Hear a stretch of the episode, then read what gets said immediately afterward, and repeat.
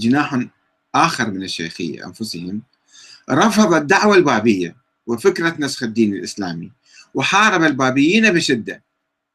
وكان هذا الجناح بقيادة المرزا محمد حسن جوهر. توفي سنة 1261 بسرعة متوفى هذا. الذي كان يتخذ من كربلاء مقرا له. وكذلك المرزا محمد باكر الأحقاقي.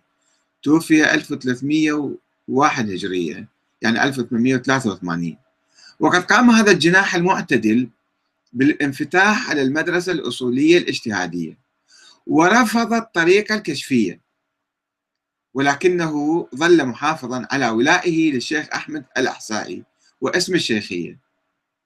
يعني أحدث فيها تطور أو رفض بعض الأمور وقبل بعض الأمور وانغلق على نفسه داخل الشيعة الإمامية ولم ينخرط في الحركة العامة حيث ظل يحتفظ بمرجع ديني خاص وامتاز بنظام توريث المنصب القيادي الديني آه، في في آه، شخصيا وبصورة عمودية يعني واحد واحد بن واحد. وهذا ما موجود عند الشيعة كما تعرفون المرجعية مفتوحة على أي واحد يعني. يمكن على تلاميذ المراجع ولكنها ليست محصورة في عائلة واحدة.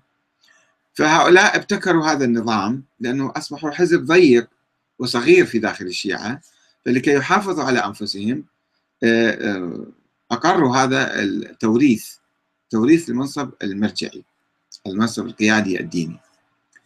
آه، بدءا من الشيخ محمد باكر الأسكوئي الأحقاقي الذي ورث ورث المنصب لابنه الشيخ موسى الأسكوئي الذي ورثه إلى ابنه الشيخ علي الذي كان يقيم في الكويت توفي سنة 1964 الذي أوصى إلى ابنه الألماني الدكتور جعفر رائد وأنا رأيته آه، عندما جئت إلى لندن كان حي هذا الدكتور والتقيته عدة مرات وهو الدكتور جعفر رائد. كان يهزأ ويسخر من الشيخية وهو كان رجل يقول عن نفسه أنه غير متدين وغير ملتزم وغير مؤمن بأي شيء وكان سفير الشاه إيران في آه، المملكة العربية السعودية.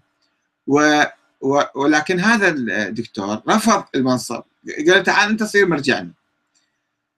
يعني رغم ما ما ينظر إلى علمه وإلى تقواه وإلى إيمانه وإلى دينه ابدا. فقط هو ابن فلان فيجب أن يكون مرجع الفلانية.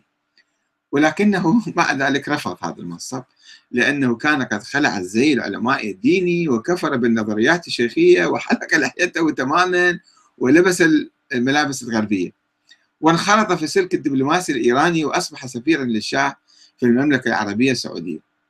فعندما رفض هذا انتقلت المرجعية الدينية للشيخية إلى أخي الشيخ علي المرزا حسن الذي ورثها بدوره إلى ابنه المرزا عبد الرسول الأسكوئي الأحقاقي الذي ورثها إلى ابنه الشيخ عبد الله الآن